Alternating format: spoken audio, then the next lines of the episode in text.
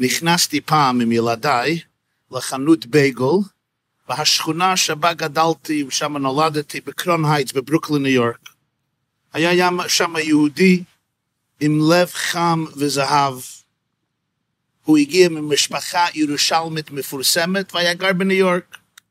וכשהוא הכין את הבייגלים בשביל הילדים שלי, אז הוא אומר לי, רבי יוסף יצחוק, אני רוצה לספר לך משהו, לקח לחיים, ואני לא אשכח את הלקח הזה. הוא אומר לי, רבי יוסף יצחק, אמא שלי נפטרה פתאום בגיל צעיר בערב חג הסוכות מאירוע מוחי והשאירה 11 ילדים יתומים, חלק מהם קטנים.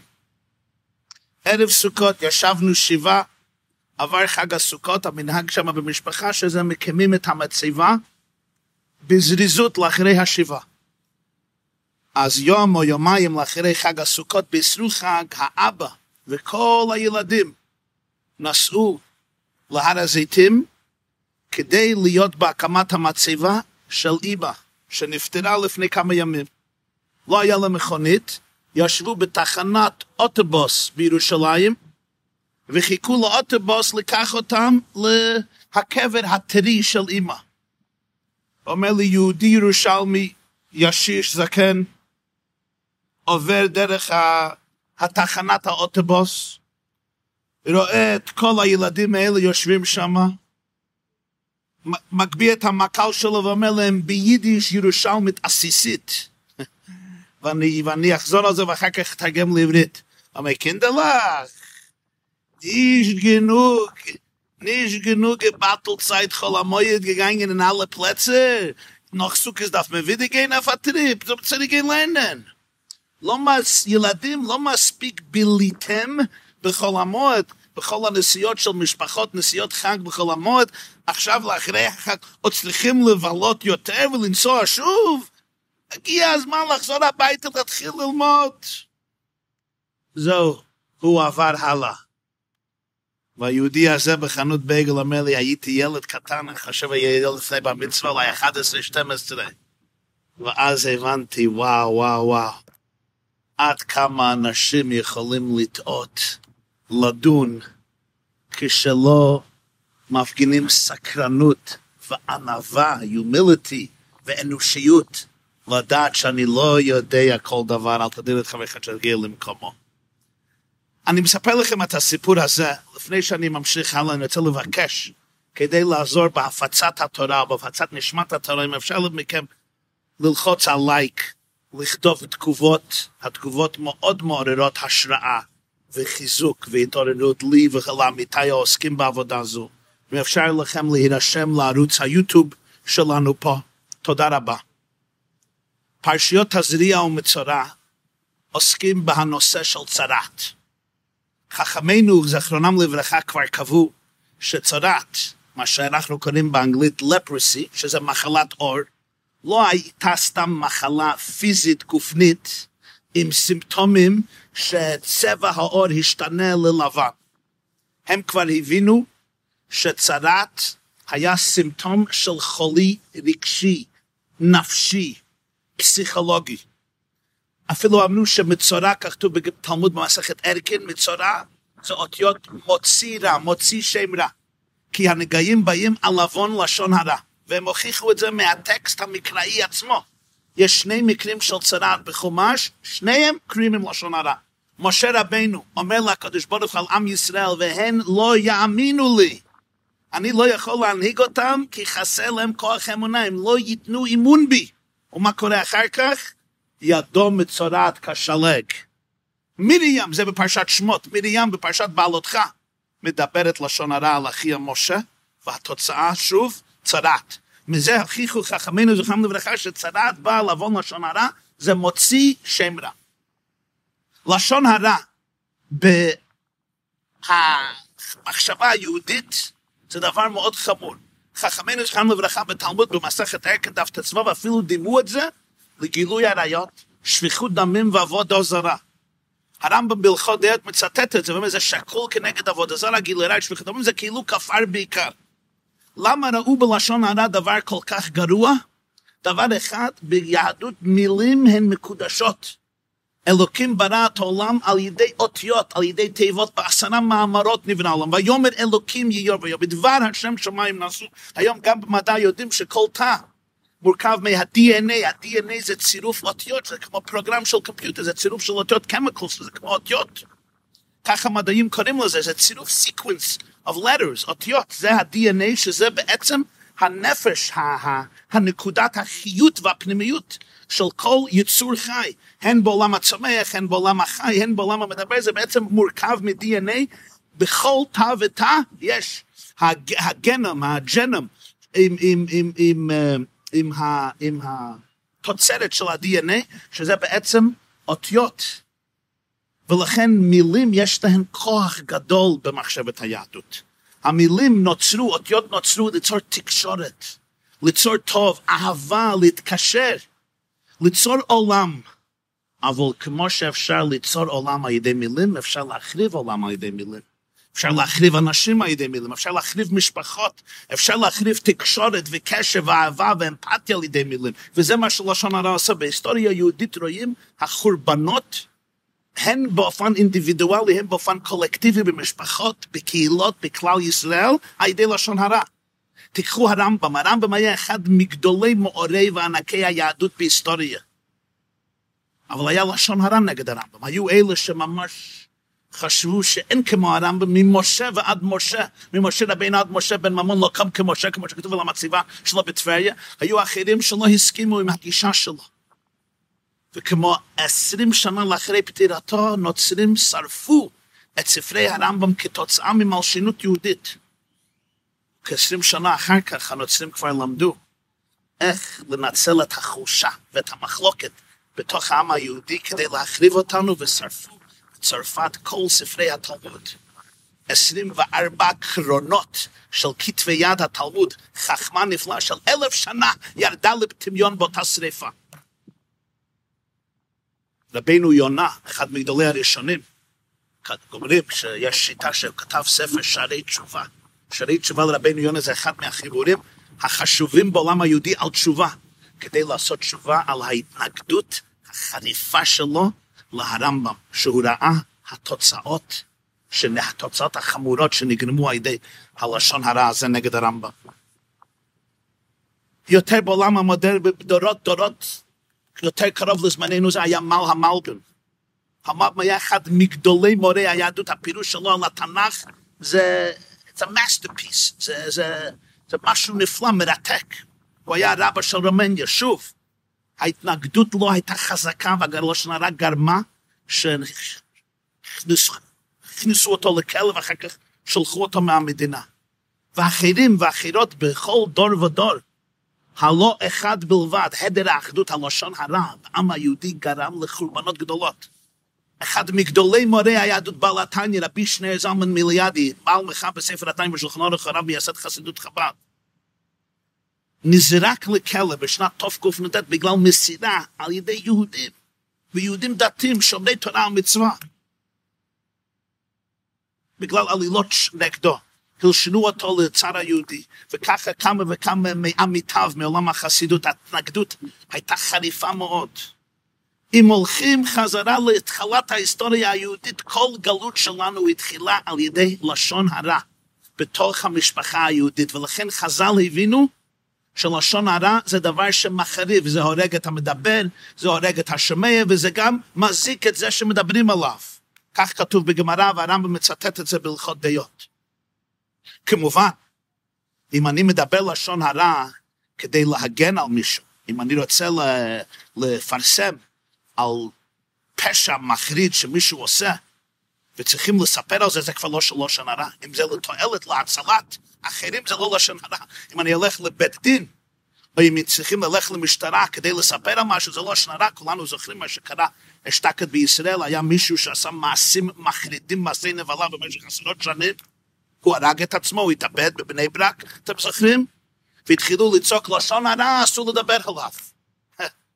בגלל שאסור לדבר עליו, כמה וכמה נפשות מישראל נזעקו בצורה מחרידה.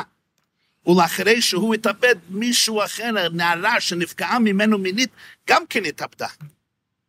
כי חשדו, כי היא הרגשה שהיא הרוצחת, והוא, והוא הקורבן. הרוצח נשא הנרצח והקורבן נשא הרוצח. כי ישמו אותם בלשון הרע. לשון הרע זה לא כשצריכים להגן על חיים חפים מפשע שנחרבים על ידי מי שעושה מעשים תעתועים ואין פוצה פה ומצב שזה לא שייך ללשון הרע, אני רק צריך להגיד את זה, שלא לערב בין העניינים, חס ושלום.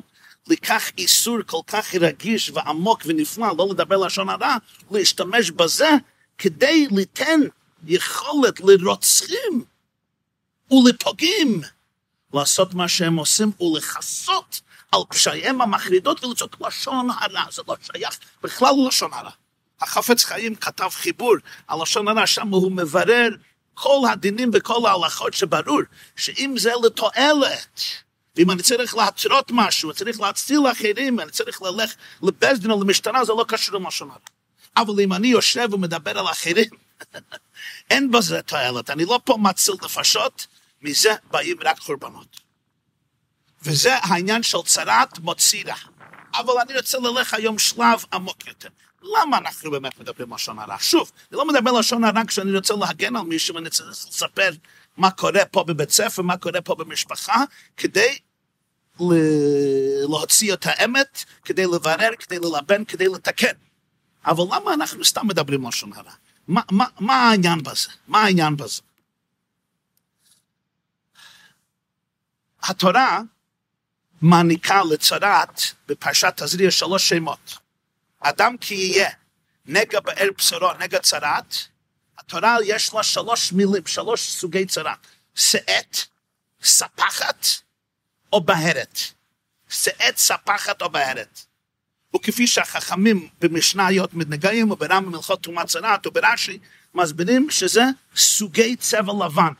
כשהאור משתנה לצבע לבן, אבל איזה לבן? יש לבן כשלג, יש לבן כמו סיד ההיכל, יש לבן קרום ביצה, יש סוגים שונים של צבע לבן. אז התורה מכנה לזה, יש שאת, יש ספחת, יש בהרת.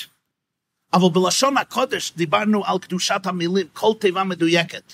זה לא רק מילים טכניים לתאר איזה סוג לבן יוצר אותך או אותך מצורע או מצורעת. זה גם מסמל עומק העניין למה בן אדם נכנס לעולם של לשון הרע. מה לשון הרע מעניק לי? זה להגיד לו, מה זה נותן לי מבחינה רגשית, נפשית, אמוציונלית, פסיכולוגית, מה לשון הרע אומר, נותנת לנו? אומרת התורה שאת, ספחת ובהרת. יש בדרך כלל שלוש סיבות. ללשון הרע.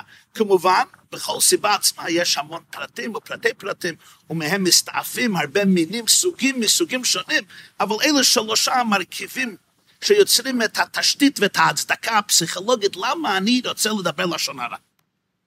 יש שאת. אני רוצה להרגיש יותר מנוסה. הגמרא במסכת סוטה אומר, בפרק ראשון, אומר, שאת זה בן אדם רוצה להתנסות. אני לא מרגיש טוב בעצמי. I want to feel better about myself, רוצה להרגיש יותר טוב. מה הדבר הכי קל לעשות? אם אני משפיל אותך. בפרט אם אתה קצת בן אדם מפורסם, או סלבריטי, או אדם שמשבחים אותו, ואני אולי מקנא, אולי אני לא מרגיש טוב בעצמי, אז מה הדבר הכי טוב? אני אומר, אה, הוא לא צדיק כל כך, הוא באמת רשע, הוא נוכל, הוא, הוא שחקן, הוא לא אמיתי, וזה כבר, אני כבר לא כל כך רע. אני כבר מרגיש יותר טוב בעצמי. יש סיפור נפלא. האדמו"ר הרביעי לבית חב"ד היה רבי שמואל מלובביץ'. קוראים לו האדמו"ר מהרש. מורנו הרב רבי שמואל היה בנו של הצמח צדק, נכדו של בלתניה. היו לו שני בנים. המבוגר היה רזו, רבי זלמן אהרון. האמצעי היה רש"ב, רבי שלום דובר שנעשה האדמו"ר השישי לבית חב"ד. הרש"ב היה צעיר יותר מזלמן אהרון, רבי שלום דובר היה צעיר יותר מזלמן, אבל היה יותר גבוה ממנו. זלמן אהרון המבוגר לא אהב את זה. האח הצעיר יותר גבוה ממנו, אז מה הוא עשה? שיחקו פעם בגן מחוץ לבית, זה היה בעיירה לובביץ' בבלארוס. זה היה תחת רוסיה הצארית. אז אהרון לוקח את האח הקטן, הצעיר, שגבוה יותר ממנו, ומכניס אותו לתוך איזה בור, לתוך איזה חור בקרקע, ככה שהוא יהיה יותר גבוה. אז האבא ראה את זה. האדמו"ר מלובביץ', רבי שמואל, קורא לו, ואומר לו, למה לקחת את האח, שלום דויבר, ושמת אותו בבור? אז הוא אומר, אבא, זה לא צודק, זה לא פיר. אני יותר מבוגר, אני צריך להיות יותר גבוה ממנו, אבל הגורל עשה שהוא יותר גבוה ממני, אז רציתי להשוות את המצב, הכנסתי אותו לבור שהוא יהיה ככה למטה יותר, והוא יהיה פחות גבוה ממני ואני אהיה גבוה יותר. אומר לו האבא, בפעם הבאה שאתה רוצה להרגיש יותר גבוה, תמורת זה שתכניס את האח שלך לתוך בור, אתה תטפס על הר.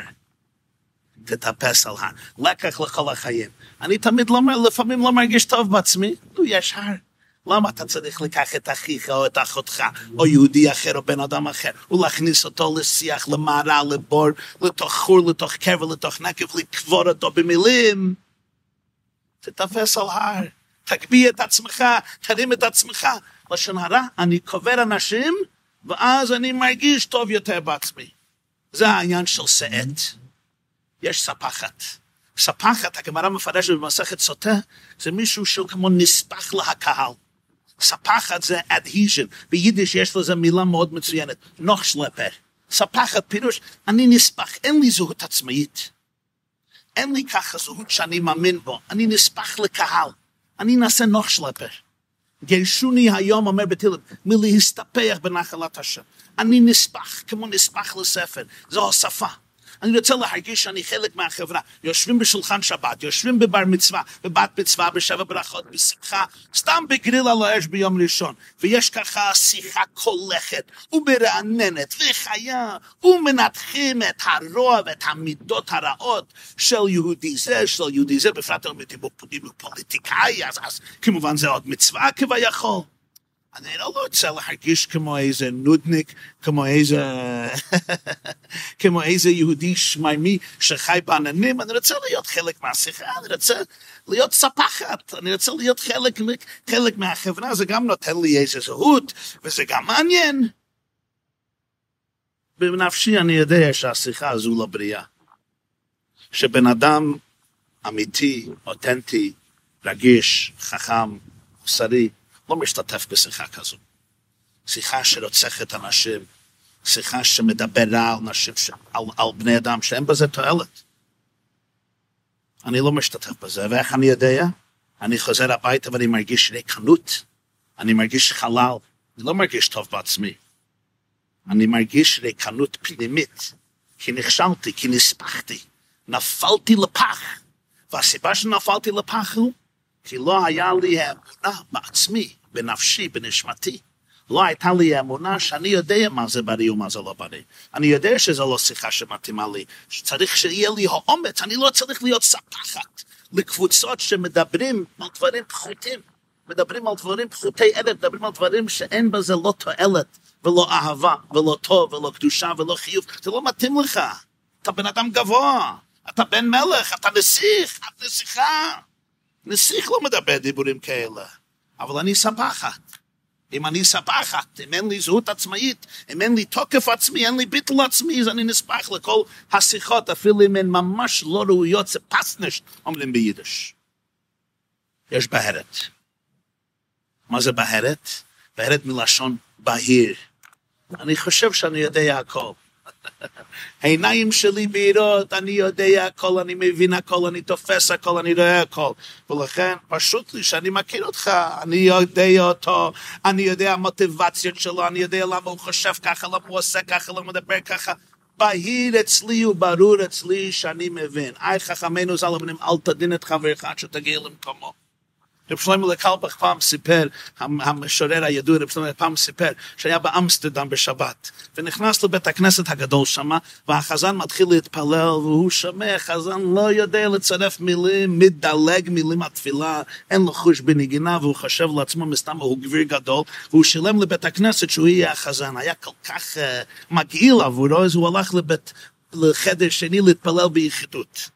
כי לא היה יכול לסבול שמוכרים את השליח ציבור, את החזנות, את מישהו שליח ציבור, מוכרים את זה עבור נזיד עדשים, כי בית הכנסת צריך קצת כסף. דבר גדול כמו תפילה, צריכים לתת למישהו ראוי שיכול לעמוד לפני התיבה ולעורר את הקהל ולהעניק השראה לקהל, אז הוא מתפלל ביחידות, אבל הוא רצה לשמוע קריאת התורה. אז הוא מספר שהוא יצא לבית הכנסת, לקריאת התורה, בית הכנסת הגדול, והוא ראה שהחזן נושא את הספר תורה, ושני אנשים אוחזים בו. למישהו, מה זה? אתה לא יודע מי זה, זה החזן מלודג'. חזן שהתפלל בבית הכנסת בלודג' לפני המלחמה, המקהלה. הנאצים עינו אותו באושוויץ. סיימו אותו. לקחו ממנו כוח הראייה, אבל הוא ניצל בגלל הקול שלו, בגלל החזנות שלו. מת- מת- מתחננים לו שנים להתפלל, הוא לא רוצה להתפלל, הוא אומר, כבר לא ראה סידור. שנים רבות הוא לא זוכר כל מילים מהתפילה, בשבת זו הוא הסכים. בשבת זו הוא הסכים, שלמה קרא, אוי אוי אוי אוי, אני חשדתי אותו שהוא נוכל וגנב וסתם רוצה כבוד. לא הבנתי שזה חזן סומה שהיה באוישוויץ, היה מלודג'. זאת אומרת, הוא עבר עם הספר תורה, נשקתי ספר תורה, נשקתי את ידיו. אז הוא שואל חבר'ה שאוחזים בו, מי, מי זה שנשק את ידי? אומרים לו שלמה לקלבך. זאת אומרת, אה, אני אוהב את הנגינות, את המנגינות שלך. הוא אומר לי, הוא החזיר לי את הנשמה. והוא אומר, ככה הוא מספר, היה צריך לטוס לארץ ישראל, הוא נשאר שם באמסטרדם כדי לשהות כמה ימים עם החזן מלודג' ולשמוע את הניגונים שלו, ואחר כך יש המשך לסיפור, הוא נסע לארץ, רצה לחזור והוא כבר נפטר לבית עולמו. מה כל זה מלמד אותנו? אני חושב לפעמים אצלי הכל בעיר. אני יודע הכל, אני רואה הכל. כמו הסיפור של הבייגל, של בעל הבית של החנות בייגל. ענווה, תהיה סקרן, תשאל שאלות, אפילו אם אשתך, עם בעלך. זוגיות בריאה פירוש שאתה יודע שאתה לא יודע הכל. אני תמיד רוצה לדעת יותר, אני תמיד סקרן. בזוגיות לא בריאה, תמיד יש לי מסקנות. בזוגיות בריאה, יש סקרנות. מה קרה? למה אמרת את זה? מה המצב רוח? מה היה אתמול בשולחן? מה הייתה הכוונה שלך? סקרנות, לא פסק דין. בגלל שלוש סיבות אלו, שאת, ספחת, בהרת, אנחנו נופלים להפך של לשון הרע. אתה רוצה להרגיש טוב יותר? שאת. אתה נספח לקהל, כולם מדברים על זה, מה, אני לוזר? בהרת אני חושב שאני יודע הכל. רבנו יעקב בעל הטורים, כתב פירוש על חומש בעל הטורים, ושם הוא עושה דבר מעניין. כל מילה שיש בתורה, הוא מראה איפה המילה הזהה יש בתנ"ך, והוא מבאר את השייכות. אז כתוב על המצורע, שהבגדים שלו יהיו פרומים קרועים, וראשו יהיה פרוע. אומר בעל הטורים, המילה וראשו יש שלוש פעמים בתנ"ך. בפרשת נוח, מגדל בבל. מגדל וראשו בשמיים. חלום יעקב, פרשת ויצא, סולם מוצב ארצה, וראשו מגיע השמיים. באיוב מדבר על בן אדם בעל גבה, ראשו יגיע לאב. ראשו הוא חושב שהוא בעננים. אומר בעל מה השייכות? הוא אומר, האיש הזה, הבעל לשון הרע, הוא חושב שהוא רוצה להיות בשמיים. רוצה להרגיש יותר טוב, רוצה להרגיש מרומם, מנוסה, רוצה להרגיש טוב בעצמו, שיהיה לו כיף, רוצה להרגיש עד כמה חזק הוא. בגלל זה, מה הוא עושה? משפיל אחרים. או שהוא חושב שראשו בשמיים. באמת בלגב, חושב שהוא יודע, מבין. אז ודאי שהוא יכול לדבר לשון הרע, הוא יודע מי הרשע, מי הצדיק. אבל הוא לא יודע הסיפור האמיתי, הוא לא יודע הסיפור הפנימי. וזה הצד השווה. דור הפלגה מגדל וראשו בשמיים. באיוב, ראשו יגיע לאבים, לאב. מה התיקון? חלום יעקב. סולם מוצב ארצה, וראשו מגיע השמיים. בן אדם צריך להבין שאתה סולם שמחבר בין ארץ ושמיים. אתה לא צריך להשפיל אחרים כדי לטפס לשמיים. להפך, תמצא את השמיים בעצמך. כשאתה יודע שאתה סולם מוצב ארצה וראשו מגיע השמיים, אתה לא צריך להיות ספחת. אתה לא צריך להיות שאת. אין לך הבעיה של בהרת, ולכן אין לך הראשו יהיה פרוע של המצורע. כי יש ענווה ויש אנושיות שמשתמשת במילים כדי ליצור אהבה, חיבור, התאחדות, אמפתיה, אהבת ישראל ואחדות ישראל בכל הארץ ובכל העולם כולו.